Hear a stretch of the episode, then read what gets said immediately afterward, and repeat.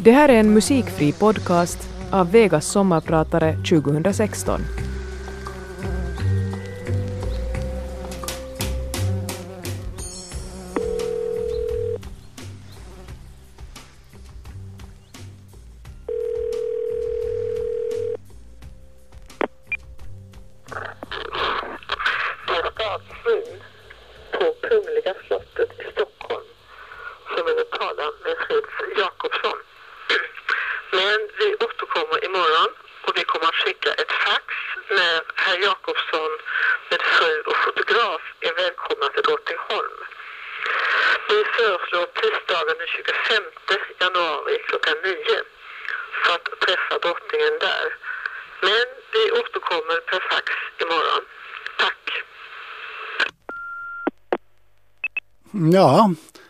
Det här korta meddelandet hörde jag på min telefonsvarare. Ja, det var 94. Hela familjen lyssnade flera gånger på det här bandet. Och det var ju fantastiskt, för bra att vara sant. Alltså, jag ombads att träffa Hennes Majestät drottning Silvia av Sverige för att måla hennes 50-årsporträtt. Det var helt fantastiskt. Nu hade jag målat rätt många porträtt både i Sverige och Finland redan då men eh, att ha blivit utvald att göra den här saken det, det var som att få ett mindre Nobelpris. Jag heter Fritz Jakobsson. Jag är konstnär och jag har blivit utvald att vara sommarpratare idag. Ja, jag föreställde mig att det skulle bli någon enstaka sittning och med drottningen och för att få minst fyra stycken två timmars seanser så skrev jag i faxet att det skulle vara idealiskt att få åtta två timmars sittningar för ett helfigursporträtt. Det är mycket jobb. Jag uttryckte samtidigt då min önskan att få ta med min dåvarande hustru Carita som stöd och assistans. Eh, hon agerade sedan som diskussionspartner med drottningen och då var det mycket lättare för mig att göra iakttagelser från sidan. Jag önskar också i det här faxet då att jag skulle få arbeta i ett utrymme i nordvästra flygeln av Drottningholms slott. Helst ett hörnrum med fönster med nordljus. Ja, så infann jag mig med min assistent, assistent Carita och fotograf på utsatt tid i Drottningholms slott för att träffa Hennes Majestät drottning Silvia. Jag blev anvisad att vänta i en vacker stor sal. Det hette Stensalen och, och där står jag på världens största matta. Jag har aldrig sett så stor matta. Och mitt i allt så kommer en älvliknande varelse glidande in genom rummet och räcker handen med mig och säger ja, jag utbrast att här framför mig står alltså självaste drottningen av Sverige. Ja, svarade hon raskt. Och här framför mig står själva konstnären. Och så frågade hon med en vacker röst att vad har ni nu för idéer om det här porträttet? Då just hade jag förstås inte någon idé alls men som i alla desperata situationer kom de räddande orden av sig själva ur min mun. Mm, vi tänker oss att Ers Majestät befinner sig ensam i ett rum, rycker till när någon kommer in, vänder sig om och ser en god vän som kommer. Ers Majestät, en sån situation borde uttryckas i ett porträtt. Och var och en som sedan betraktar porträttet skulle kunna känna sig som den där goda vännen. Men det är ju alldeles utmärkt, sa hon. Hon skrattade lite och sen började vi vandra mot norr i slottet på jakt efter rum och vi gick genom rum som rum och vi gick genom kungens biljardrum och, och matsalar och småningom kom vi så långt norrut som man kunde komma i slottet. Och, jag tyckte att vi skulle hitta ett rum där solen inte lyser in. För att när solen lyser på golvet och man ska titta på en målning samtidigt så det är väldigt irriterande. Att därför är det alltid skönt med ett nordljus. så stod vi sen efter en lång vandring i ett hörnrum med rätta ljusförhållanden och jag sa, Ers Majestät, det här rummet, det här är utmärkt. Hon sa, vi kan, vi kan nog gå och titta mera, fler. Jag sa, men Ers Majestät, det här är nog helt utmärkt. Och det visade sig vara Bellmanrummet. Där fanns en klocka på en spis som en väldigt stor pendyl som lär ha skänkts av Gustav III till Bellman. Nu råkade det sig så att jag bebor ett ställe i Gamla Vasa som är skänkt av samma monark, Gustav III. Eh, dessutom sjunger vi ofta Bellman vid mitt köksbord. Det här intresserar drottningen. Det visar sig att hon var intresserad av många saker under våra 16 timmar av målande. Hon lät hämta in ett räcke med klänningar, foton på olika frisyrer som hon haft. Och så höll hon upp klänningarna framför sig och frågade vad jag föredrog för en klänning. Och, mm, jag sa att jag föredrar Ers Majestät den röda där. Den, den, om det passar för Ers Majestät. Och det visade sig senare att det passade. Hon sa nog åt mig att ja, no, kungen avgör ju det här. Jag undrar hur mycket kungen avgjorde om den saken. Men på det här viset gick det till. Och de här frisyrerna så studerade hon sen tillsammans med min assistent, assistent Carita Jakobsson. Och hennes frisyrer var ju i alla var de strålande. Man kan ju inte säga någonting om dem så jag blandade inte mig i den saken. Hon agerade så naturligt. Jag bad henne pröva olika poser. Kunde snart bestämma mig för en komposition och kände mig bekväm och så började jag teckna. Hennes Majestät var lugn och behärskad och hon visade både tålamod och äkta inlevelse i alla situationer. Och varje sittning kom hon in i Bellmanrummet exakt klockan nio. Så hörde man God morgon. Hur mår ni? Är allt väl? Får det vara kaffe? Och det fick det vara. Det kom in en vacker ung man med mustasch och han hämtade på en bricka, på en silverbricka, då hämtade han in kaffe och det var brasilianskt kaffe. Och jag kallade det för kungligt kaffe. Hon frågade allt möjligt om, om målande och hur man bär sig åt och var kan man lära sig sånt och hur har ni gjort? Och vid en sittning sa hon att barnen borde se hur det här går till. Hur, målande, hur man gör riktigt allting. Och, och jag föreslog att vi skulle ordna en målningslektion för alla. Då. Och jag minns att det var en lördag jag hade gjort i ordning då paletter och, och, och, och panoer och planera lite hur vi skulle gå tillväga för att det skulle bli intressant för dem. Och, eh, drottningen tyckte det här var en fin idé, att så, så ska vi göra. Och, nå, så kom ju barnen och kungen. Han kom in och var så intresserad och så fimpade han sin cigarett på en stor silvertallrik där. Och, och han var så intresserad så han var nästan den som var mest aktiv i hela målandet.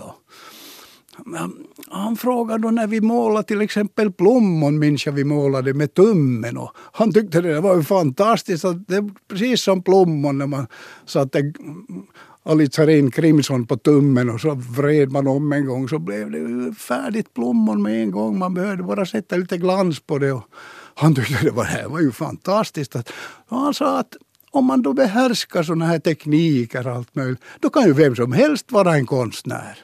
Jag svarade att just så tror jag det är, Ers Majestät. Och då fick vi höra drottningens klingande skratt. Ja, de här stunderna i Drottningholms slott, ja, jag glömmer aldrig dem. Det, det, det var helt, helt fantastiskt. Ja, sen avtäcktes ju porträttet då på Berns salonger och jag har äran att sitta bredvid drottningen vid samma bord. Satt, och vid samma bord satt en, en berömd person, nämligen astronauten Buzz Aldrin. Där frågade Silvia om hans månfärd och bland annat om han inte var rädd där i rymden och hur, hur, vad gjorde de i kapseln och kunde man sova där och hur, hur gick det till? Och, och Buzz Aldrin han svarade lugnt och sakligt på allting. Och det var en upplevelse att lyssna på allt det där också. Ja, det, det är ett minne för livet som jag har fått därifrån. Mina föräldrar gick bort väldigt tidigt. Min mor var när jag var endast tio månader och far sedan något år senare. Och jag har ju inget särskilt minne av dem då inte. Så, men jag fick en väldigt lycklig barndom hos min farmor och faster i Jakobstad. Min faster berättade att jag vid två års ålder hade stigit upp på en stol och sagt med hög röst att jag ska bli konstnär. Ja, min ytterst snälla och kloka farmor hon hade nog en stor del i det här genom att hon hämtade så kallat brödpapper från, ja, från Sandströms butik på Skatan där vi bodde fast i Alexandersparken och bakom Strö, Strängbergs fabrik. Det var krigstid och vi hade svarta gardiner för fönstren så att bombplanen inte skulle se lilla Jakobstad som var strategiskt viktig med sin djupa uthamn och dessutom med hänsyn till folkmängden Finlands mest industrialiserade stad. Jag minns att jag ofta stod på en pall och tecknade. Det var så att golvet var ju iskallt och jag stod, stod därför på pallen och, och, och stod, nådde just lämpligt upp till bordet och tecknade. Jag gjorde mina bilder där medan vi väntade på den där hemska sirenen som meddelade att nu måste vi söka oss till skyddsrummet för det kommer bombplan. Och vi, vi, vi sprang iväg då till gamla begravningsplan till en källare där. Och där satt folk sedan tysta med ljus och flämtande på jordgolvet och, och väntade på att sirenen skulle förkunna att faran är över och vi kan gå hem. Och jag, jag minns att främmande människor små prata med varandra, totalt främmande människor. Och så delar man matvaror med varandra där. Och, ja, min farmor hon var helt fantastisk. Hon hittade på spännande historier och, och jag skulle då illustrera det med min blyertspenna. Hon visade ett väldigt stort tålamod och intresse för vad jag tecknade. Hon tröstade mig när jag blev alldeles väldigt rasande över misslyckanden. Och jag slängde mig på golvet och bet i slet i köksmattan i förtvivlan. hon kallade mig för lilla Hitler för han lär ha gjort likadant. Hon bara lyfte upp mig och gav mig nya papper och ifall att det förra inte redan var tecknat på båda sidorna. Mina verk studerade hon grundligt och kommenterade och frågade om detaljer. Ibland stiftade hon upp den på väggen och Ja, folk kom ju den tiden in till varandra och bara satt sig ner på köksbänken och då kunde hon säga Se nu vad Hicken har tecknat. Och jag kallades Hicken i Jakobstaden nu också därför att jag hickade när jag var liten. Och, na, jag tecknade och bet i mattan och ibland hamnade några av Sandströms papper med mina försök på köksväggen. Nu var det så att grannens Max han var ett par år äldre än jag och beundrade honom för hans fina motorcyklar som han tecknade. Han var min idol. Och när jag lyckades få tag i en dramatisk, eller jag lyckades få tag i hur en motorcykelteckning, att det sprutade sand från bakhjulet och jag, jag tyckte den blev fantastiskt bra så jag sprang över Mariegatan in till den här Max och, och visade för honom stolt det här. Och hans reaktion blev ju väldigt överraskande. Han, han tittade på den någon sekund och så spottade han på den. Och den här, den här reaktionen sade mig att, att jag verkligen hade lyckats. Jag har mycket att tacka för i mitt barndomshem. En enda gång fick jag väldigt hårt straff. Det hände vid lilla jultiden då jag trots att jag var förbjuden att gå till skogen efter en gran så gick jag ju förstås i alla fall. Det här var ju krigsslut och jag, jag hade inga riktiga vinterkläder och, och de var ju måna om att jag skulle inte förkyla mig. Jag kom hem stolt genom våt med en gran och med en snälla faster. Annars, snälla faster. Knäppte då ner mina byxor och bröt en kvist av min gran och min bara stjärt fick några prickiga, pickande daskar. Det här straffet var då ingenting emot när jag en gång hade tagit någon slant ur min farmors skål för att imponera på mina större lekkamrater där och jag bjöd dem på Sundells glass på Halldins busstation. Straffet blev att min farmor grät en tår och det tog mer ont än alla julgranssmiskar. I Lagmans folkskola var jag vild och oregerlig tills en klok lärare som också hette Jakobsson, Ole Jakobsson, han hittade på att låta mig teckna och illustrera vad han berättade om i sin undervisning så jag, jag hölls lugnare. Och efteråt minns jag ännu vissa lektioner som de var igår. Det här tecknandet på lektionerna fortsatte också i Vasa svenska samskola som jag genomled på många sätt. Eller hur ska man säga att skolan genomled mig men att många lärare har jag ännu som kära minnen i mitt huvud. Jag diskuterar ännu med någon av dem ibland. Jag måste säga att jag tror att lärarna har varit det viktigaste, kanske lika viktiga som goda föräldrar kan vara. Ja, det här var Malagueña som vår sånggrupp Tre på spanska sjöng in år 1967. Allt började i min lilla källarateljé på Stora Långgatan i Vasa där jag mellan de här målarexperimenten kämpade med att anpassa fingrarna varje morgon till gitarrhalsen. Försökte lära mig gitarrtekniken. I den här primitiva källarlokalen träffade jag eh, 1964 av en slump Reigin Ingo och snart även hans yngre bror Peter. Ja, det öppnade sig ett himmelrike när vi sjöng. Det kändes som att hela tiden dricka rent skönt vatten utan att bli otörstig. Så känns det alltid när man får sjunga med någon. Vi kompade oss själva på såna alltså akustiska gitarrer och sjöng av hjärtans lust. Till fel ackord ofta. Då för tiden kom det ut skivor med den världsberömda ensemblen Los Paraguayos. Och jag vet att min kära bror Reigin har alla utgivna grammofoninspelningar som har kommit av det här vår beundrade grupp Los Paraguayas. Vi stannade skivan med fingret och skrev fonetiskt texterna. Och när vi visade våra hemmagjorda spanska verser för språkkunniga så skrattade de. Men sen när vi fick provsjunga för äkta spanjorer tyckte de att det här låter ju precis som ni skulle vara uppväxta i Spanien. Vi träffades varje dag för att öva och pröva ut komp och stämmor. Och Reigin var nog en mästare på att hitta stämmor som passar våra olika tonlägen. Och han kommenderade sin bror. Du ska kompa så här, du ska slå så här, du ska slå så här. Och han kunde genast lära sig allt. Peter är ju en väldigt musikalisk människa också.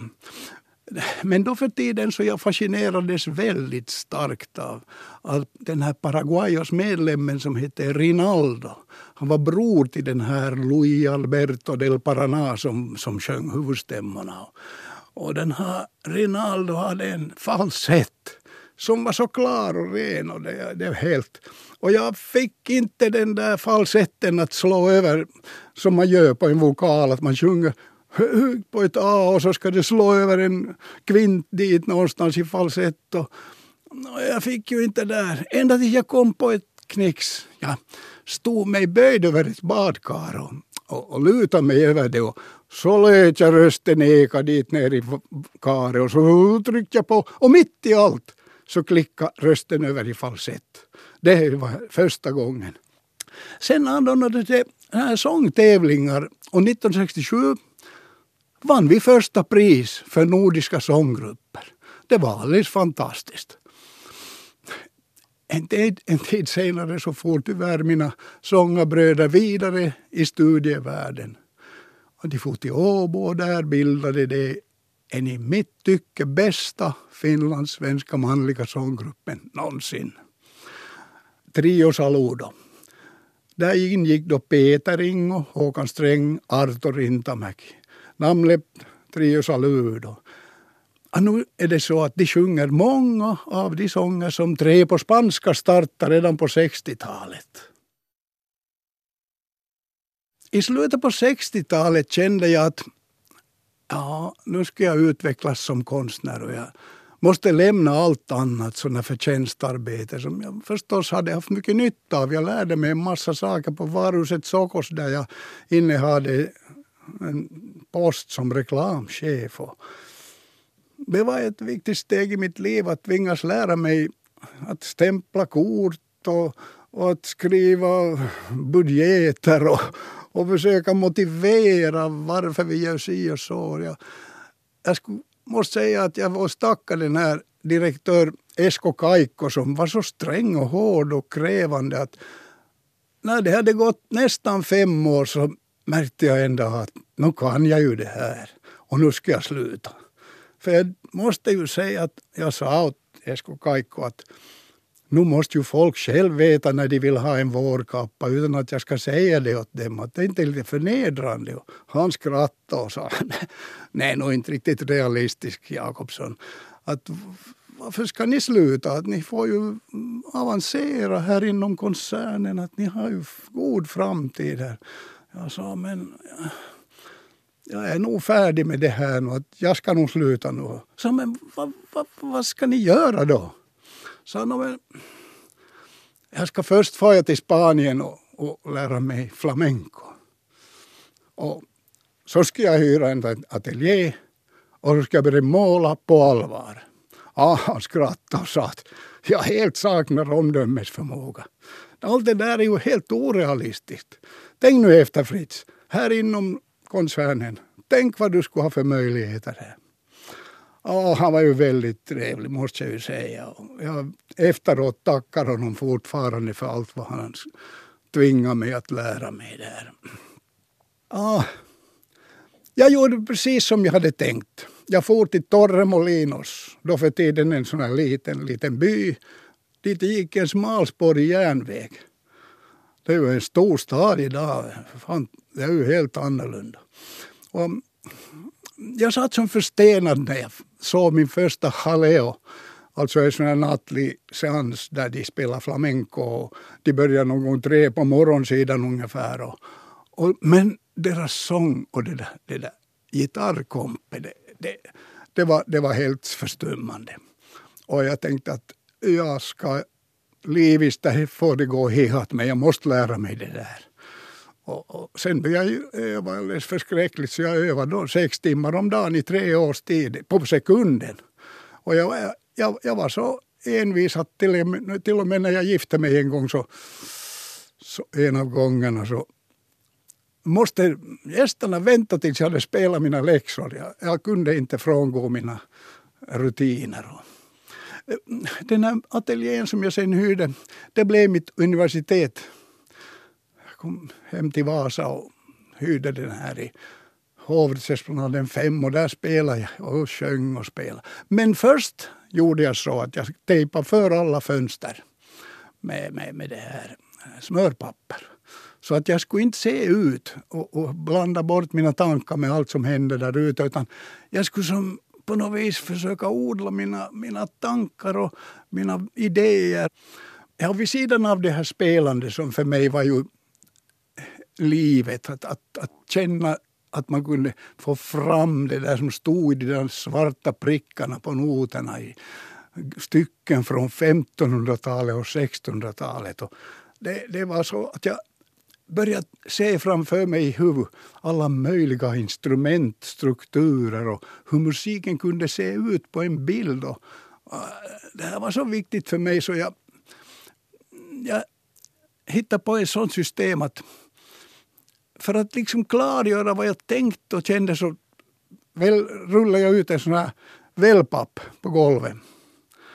La mig dit ner och så, så, så hade jag händerna vid tinningarna så jag skulle inte se någonting. Och så sa jag, jaha, nu väntar vi tills du ser någonting.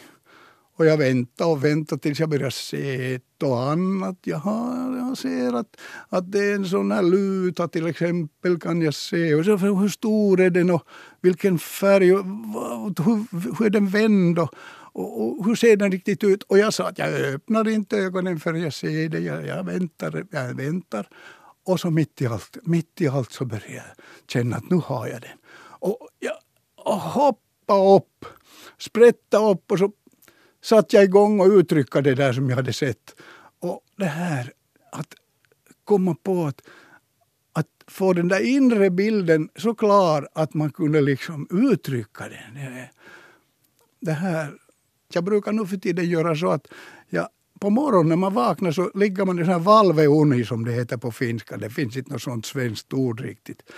Och det här, då kan man se. Och då ska man säga, ah, jag öppnar inte ögonen för jag ser vad ska jag göra idag.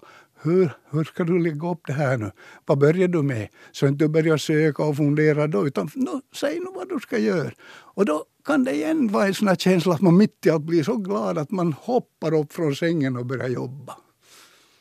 Den här idén att försöka få fram någonting som man har inne i huvudet med att stänga ögonen så tror jag kan passa bra för många människor. Att man liksom man kan inte, som jag ser det, uttrycka någonting som, om inte man ser det in i sitt huvud.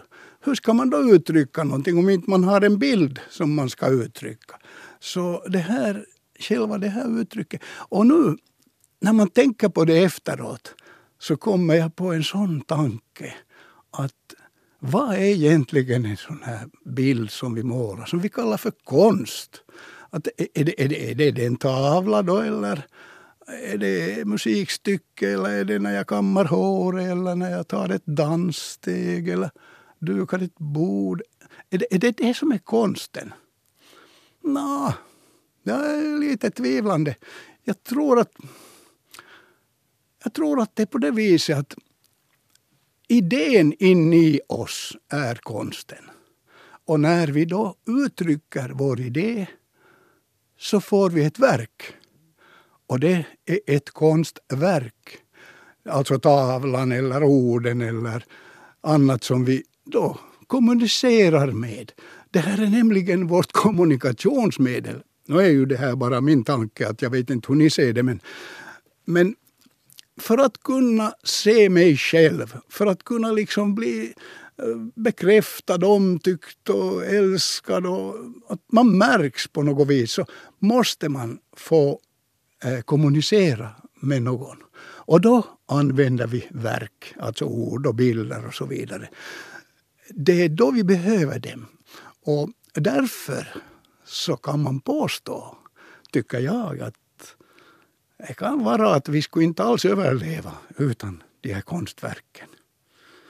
Det är fullt möjligt att vi skulle förgås därför att om man skulle ta bort alla konstverk från världen då skulle vi vara isolerade från varandra. Vi skulle inte ha någon möjlighet att få bekräftelse på vem är jag och, är jag bra och är jag vacker och så vidare. Att vi måste ha de här verken som vi då kallar för konst. Nå, låt oss då kalla det för konst, men vi måste åtminstone förstå att konsten, det, det är vårt jag, vår idé. Den är abstrakt. Och vi kan aldrig hålla i ett konstverk, eller konst, utan vi håller i verket. Det är det. Och likadant är ordet och ett verk som vi kommunicerar med. Okej, vi speglar oss i varandra. Det här jag höll till tio år i det här mitt universitet bakom smörpapper. En natt äh, 1977 då väcktes jag av en bekant polis på man där. Han sa att jo, att Fritz, din ateljé brinner. Oj, va? Ja, men det var ju en fruktansvärd syn. Jag kommer dit. Lågorna slår upp i januarihimlen slickade den himlen 20 meters eldlågor och det brakade och dundrade. Brandbilar, slangar och folksamling och rop. Det brakade i allt som ramlade ihop i huset. Och jag. Men jag tyckte att jag måste nog springa in dit och rädda mitt instrument och mina noter och, och mina tavlor. Och, Nå, stopp, stopp, stopp, sa en brandchef och höll i mig i axeln. Nej poika, ei poika, sa han, ei sinne, ei sinne enää voi mennä. Välikatto romahtaa juuri nyt. Jag vände mig om och då slog mig plötsligt en tanke. Jag hade varit alltså på väg in att rädda min egendom alla mina tavlor, gitarrer, noter och skivor. Men som ett slag i ansiktet insåg jag att det som jag ägde inte alls fanns där i det där huset och brinner. Det som jag ägde finns ju inne i mitt huvud. Det var där alla mina erfarenheter som jag hade fått där inne under tio års tid. Det var det som var min verkliga egendom. Det, det var en väldig befrielse. Så till och med jag måste trösta mina gråtande vänner som, som sa, men snälla vänner, jag kommer ut som frisk från ett sjukhus. Att nu förstår, nu förstår jag. Ja, aj, oj. Ja, jag har lite kvar av det där ännu idag, som ni märker. Och så går vi vidare i livet då. När jag fyllde 50 år så hade jag utställning i Helsingfors på ett galleri, i Hörhammer. Och den här utställningen ändrade mycket på min bana. Mitt intryck är att allt som händer oss beror i hög grad på slumpen. Alltså på en slump helt enkelt. Jag, jag tvivlar på att jag har valt min bana av fri vilja och faktiskt många gånger konstaterat att det är omständigheterna som väljer mig. Och jag säger efteråt att ja, jag valde si och så. Frågan är nog hur pass mycket man väljer. Vi måste ändå förstås kunna säga att vi väljer därför att annars är vi ju inte riktigt individer. Att, no, finns det säkert någonting. Men ofta är det slumpen som styr saker. Hur träffar man sin fru till exempel? Nu är det ju en väldig slump att man kammar håret och så går man på en restaurang och bockar åt någon och, och säger att får jag lov och efter två år är vi gifta i Kuopio någonstans och jag sköter hennes pappas frimärksbutik. Jag frågar efteråt, men hur valde du det här? Ja, no, ja, ja kanske, ja. Ja, jag undrade. Nåja, i den här utställningen så kommer en person i publiken och bugade sig lätt för mig och gav mig sitt visitkort och frågade om jag ville måla ett porträtt av hans släkting. Släktingen var Otto von Habsburg, alltså världens, då för tiden, högsta adliga i världen. Jag svarade jag kan det och sen startade en process, ett äventyr med oanade följder. Otto von Habsburg meddela, han lät meddela för han ville inte tala direkt till någon hantverkare. Han ville tala till en adelsman som sen berättade åt mig att, jo, att han ville inte alls bli, bli målad och aport, att han är så gammal och ful. Och, men han vill gärna hjälpa den här unga konstnären och presentera mig för någon vacker släkting som i Rom och, som var yngre och vackrare. Och, ja, efter en tid, var befann jag mig om inte med min dåvarande hustru Carita väntande i ett särskilt rum i Hotell Hassler ovanför Spanska trappan. Alla känner till Spanska trappan förstås i Rom. Det här eh, huset, Hassler, så det en byggnadsrest av de mäktiga Mediciernas palazzo. Vi väntade på där i ett rum för att träffa furstinnan Stefania Angelo Comneno di Tessalia med maken greve Ferruccio Ferrari. Det var planerat på det viset att dessa högaktiga, ädliga människor, när de stiger in, då är det vi som måste stiga upp och inte de som när vi kommer in i ett rum att de måste stiga upp. Och så vi steg alltså upp och vi blev presenterade. Deras son prinsen Alessio eh, tjänar som tolk och vi kunde ju ganska dåligt med italienska då för tiden att måste säga i princip ingenting. Porträttsittningarna kom genast överens och de var mycket vänliga mot oss och visade oss hela Rom och omgivningar. Och det, det tog all sin tid att visa oss och de behandlade oss med värme och vänlighet. Och vi kunde ju inte drömma om att man skulle få träffa sådana människor plötsligt i Rom och börja måla flera porträtt där på Via Balduina i ett Palazzo ja, det, det var också någonting som man kunde berätta mycket om. Men Furstinnan talade mycket långsamt och tydligt på sin vackra italienska. Och, ja, det var som att vara en deltagare i någon sorts okänd opera. Om en tid efter många sittningar ville furstinnan erbjuda mig medlemskap i Academia Angelica Constantiniana di lettere arti e scienze. Alltså jag fick titeln academico ordinario så att på något vis är jag lite akademiker när jag kommer till Rom. Men nog frågar jag mig, hur i världen kom det sig då att man målade hans helighet påven? Hur gick det till? Ja, ser ni. Gott folk. Akademin har en beskyddare och han var då för tiden eminenza kardinale Giuseppe Caprio. Sträng liten man. Han var mycket fruktad. Det såg man genast på folk som kom in och där. En dag frågade furstinnan med sin ljuva röst om jag kunde tänka mig att måla hans porträtt när han ska gå i pension. Och det kunde jag tänka mig, sa jag. Så en vacker dag sitter jag med, eller det var kardinalen som satt modell för mig i Vatikanen. Eh, det var ett långt steg från mitt vedlider i Vasa. Men där stod jag och försökte fånga hans person på en duk som var två meter hög. Det hade de bestämt att två meter ska det vara. Det var så intressant att stå där. Och jag hade en nyfiken arkitekt för Vatikanen som åskådare bakom min rygg. Och, och han frågade allt möjligt av mig under tiden där. Och det kom delegationer in och de kom var väldigt underdåniga och kysste eh, kardinalen på hand. Och, och han svarade si, si, si, vediamo domani, vediamo, si, tutto bene, si, basta così, grazie, grazie.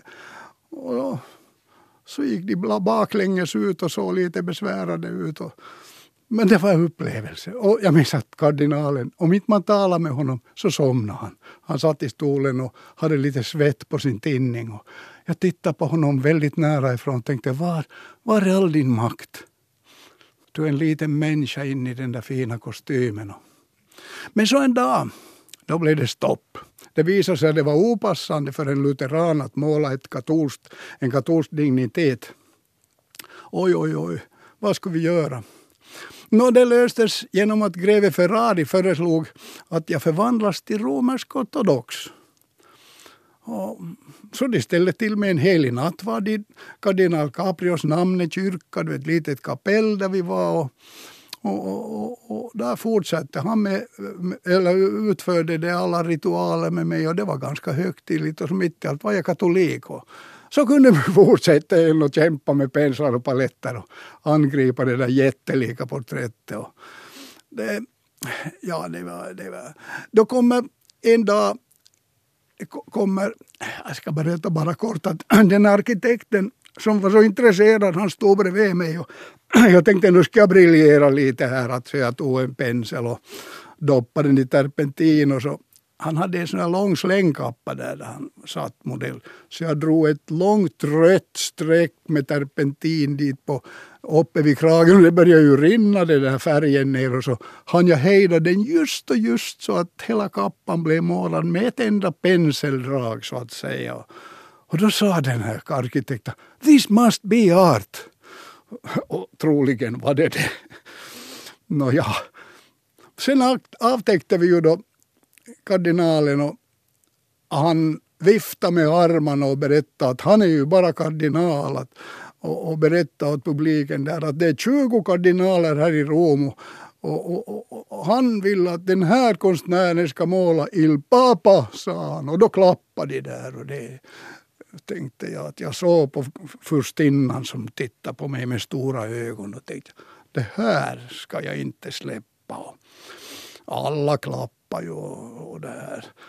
Så då startade en process med att försöka hitta hur ska vi göra det här? Var ska jag hitta symboliken och allt? Och jag var till och med till John Wikström och frågade av honom att vad, vad, finns det för en symbolik? Vad är det som, hur borde man se? Och han sa, jo men han är ju den viktigaste av de här påvarna som vi har haft och han är nog den, alltså han tycker det skulle heta In Christ United. Och det här framförde jag sen åt kardinalrådet med min skiss som jag hade gjort med, med alla möjliga gardiner och, och, och, och disktrasor som kastades i luften tills jag fick en väldig svung på det där när han skulle kasta den här heliga ande, alltså den där duvan upp i luften och välsigna mänskligheten. Och, som en faders gestalt. Och jag fick ju igenom det här porträttet. Det var bara en meters hög eh, miniatyr. Och så fick jag mål så men nu räcker det med den här två meter. Nej, nej, det måste vara större än kardinalen. Alltså. Så vi gjorde det två tio högt då. Det var ju nog, det var ju nog tillräckligt stort. Sen blev det förstås att företa arbetsresor till Vatikanen ja, tiotal gånger under två och ett halvt års tid. Om vi kom överens att jag tisdag då om två veckor klockan tio. Så när jag kommer dit så, ja, hans, hans helighet är nog i Karpaterna idag, att han kommer nog inte förrän nästa vecka. Vad gör man då?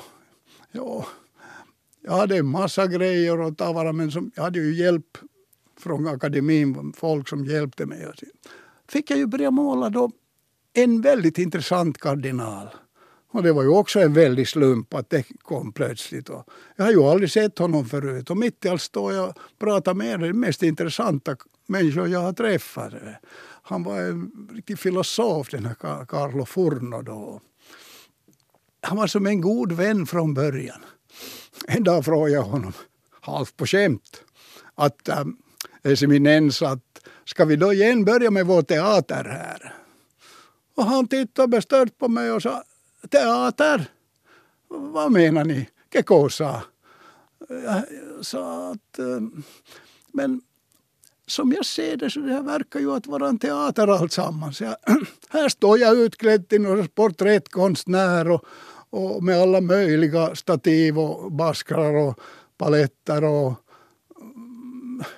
och, och har stora stjärnor och käm och det är röda kläder och siden och allt och, och kors och guld. Eseminens. jag tycker, om jag får säga, att er personlighet störs av allt det där. Jag skulle vilja uttrycka er rättframma och starka personlighet. Och vad hände? Jo, han, kardinalen själv, han tog av sig alla stjärnor och band men han sa ringen och korset här som jag har fått av påven, det ska vara med. Herregud vilken upplevelse. Jag minns att min hustru då, hon skulle filma det där och jag kommer ihåg att hon blev väldigt bestört att hur kan det här gå. Men det var fantastiskt och det gick bra. Nåja, eh, till sist så blev det och det var hemskt oklart ända till sista stund. Men det, mitt i allt, jo, nu ska vi avtäcka påvens porträtt. Kom genast hit, det blir imorgon. Nu ska vi föra porträttet till Peterskyrkan. Och jag sa, men inte klarar de av det där, de där gubbarna. Att hur ska de veta hur man ställer upp det och allting, det där stativen. Och, jo, jo, jo, jo, det går nog bra. Ni får inte komma med dit att det betyder otur för påven. Och, just så. Nå, vad gör man? Jag står mitt i allt följande dag där med folk från hela världen. Det var ju Heliga gravens orden som var själva beställaren i Vatikanen. Det är ju Vatikanens egen orden. Så vi tågade in i ett rum som var gjort av och ritat av Michelangelo. Ett fantastiskt rum med intarsior och, och, och guld och målningar i tak. Det var, det var helt e, ett väldigt vackert, en sal kan man säga, där i anslutning till kyrkan. Och det väntades och väntades och småningom hör vi hur det hörs ett hasande ljud. Så kommer påven in med sina röda tofflor och han beledsagas av två excellenser. Det är två särskilda kardinaler som har något annorlunda klädsel också. De övervakar allt. Och de ledde honom till hans tron där han satte sig. Så nickade han åt alla. Och, och, och så höll ju de min käre Carlo Furno, kardinalen, han höll ett väldigt värdigt avteckningstal. Och det var overkligt. Påven tackade mig, välsignade mig och sen var det ju tv och press och allt var en oförglömlig upplevelse. Det, det, det var som om man skulle ha stått på sidan om sig själv och säga att Märker du Fritz vad som händer? Alltså, lägg märke till allt det här nu. Att det här händer dig faktiskt. Och jag försökte, jaha just så, så här verkar det. Och, men jag, jag var på något vis på sidan om fast jag var mitt i. Så eh, det är svårt att förklara det där men jag antar att ni förstår vad jag menar. Ett år eller två år tidigare förrän allt det här hände där med påven och kardinalen och så vidare så då föreslog furstinnan Komneno att jag borde ha en utställning i Rom. Ja, jag var ju förstås genast med på noterna och så for vi omkring i stan i sällskap då med henne och för att hitta en lämpligt ställe att ställa ut på. Då. Vi besökte bland annat den här stora konstnären Canovas ateljé. Det ställe som vi till sist valde ut var nog det mest monumentala jag kan tänka mig i Rom för mig som lutheran. Nämligen det kloster vid Piazza del Popolo där Martin Luther eh, tjänar som novis för att han skulle bli augustinermunk. Och i det samma utrymme där han har tänkt och gått omkring och börjat småningom protestera. Så där ställde jag alltså ut. Stället var så starkt berörande att jag blev sjuk. Tillfrisknade sen småningom, men herregud vilket äventyr. Jag öppnade utställningen tre dagar innan vi gick in i EU. 95 var det. Furstinnan som jag fortfarande minns med värme föreslog att jag borde göra lite reklam för utställningen och jag, jag sa försiktigt att, att om talorna är tillräckligt bra så tror jag att nog att, att det där flyger det där intresset av sig själv och folk kommer sen och men sa hon snälla Fritz, ni ska förstå samtidigt öppnas det 60 utställningar i Rom. Ni måste synas. Okej, snart satt vi då i den elegantaste reklambyrå i en konferensrum jag sett. Ja, det, det lades fram förslag och referenser och ledarpärmar och framför oss på, på mahognybordet. Den där artiga herr Antonio Caruana, chefen, visade. Han var en riktig gentleman. Han frågade mig om vilken typ av framtoning jag önskade mig och jag pekade då på ett av förslagen där i böckerna och det var med banderoller över gatorna och jätteaffischer i vitriner och han äh, gav mig papper med eh, mycket nollor och, och, och det var ju liretid. Och jag räknade ju i huvudet med min fantastiska räkneförmåga och kom fram till att jaha, det blir ju det här blir som 70 000 mark. Det var ju mycket pengar men man ställer väl inte hos Martin Luther så ofta heller så att jag accepterade. Och så slog vi hand på. Ja, jösses, jösses. När jag var i Vasa visade jag dokumenten för en juristvän och så visade det sig att min huvudräkning borde uppdateras. Det var ju för helsike 700 000 mark. Ja, ja, jag ringde till Rom och fick greve Ferruccio på tråden och jag sa, herr greve, ni kan, kan ni vara vänlig och meddela reklambyrån att vi måste nog avskriva det här, att det, det, det är alldeles för dyrt. Nej, nej, nej, nej, nej, sa han. Det är ju det är bara nollor. Fortsätt bara. Continuare, continuare, tutto bene, tutto bene. Att det blir nog no, no, målningar. Han tar någon målning. Han är ju konstälskare. Jag sa, men menar du att han skulle kunna älska det för 700 000? Ja, ja, ja, ja, absolut, sa han. Det går, det går fint. Det ska du få se. Nå, vi anlände från Finland för öppning av utställningen. Vi var elva personer, goda vänner som skulle hjälpa mig med det sista en natt före utställningen som det brukar vara. Det var ramar och det var allt möjligt som skulle fixas ännu och så vidare.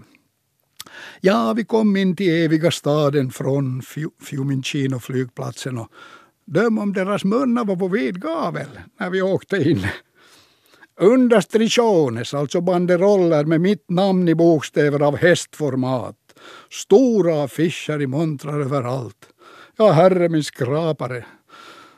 Herr Caruana hämtade mig sen med en sin vackra bil och vi körde omkring i Rom för att se reklamkampanjen och jag bara log och var stum kan man säga. Det, jag brukar nog ha något ord att säga men den här gången hade jag inte ett ord. Jag bara, jag bara log och han var mycket vänlig.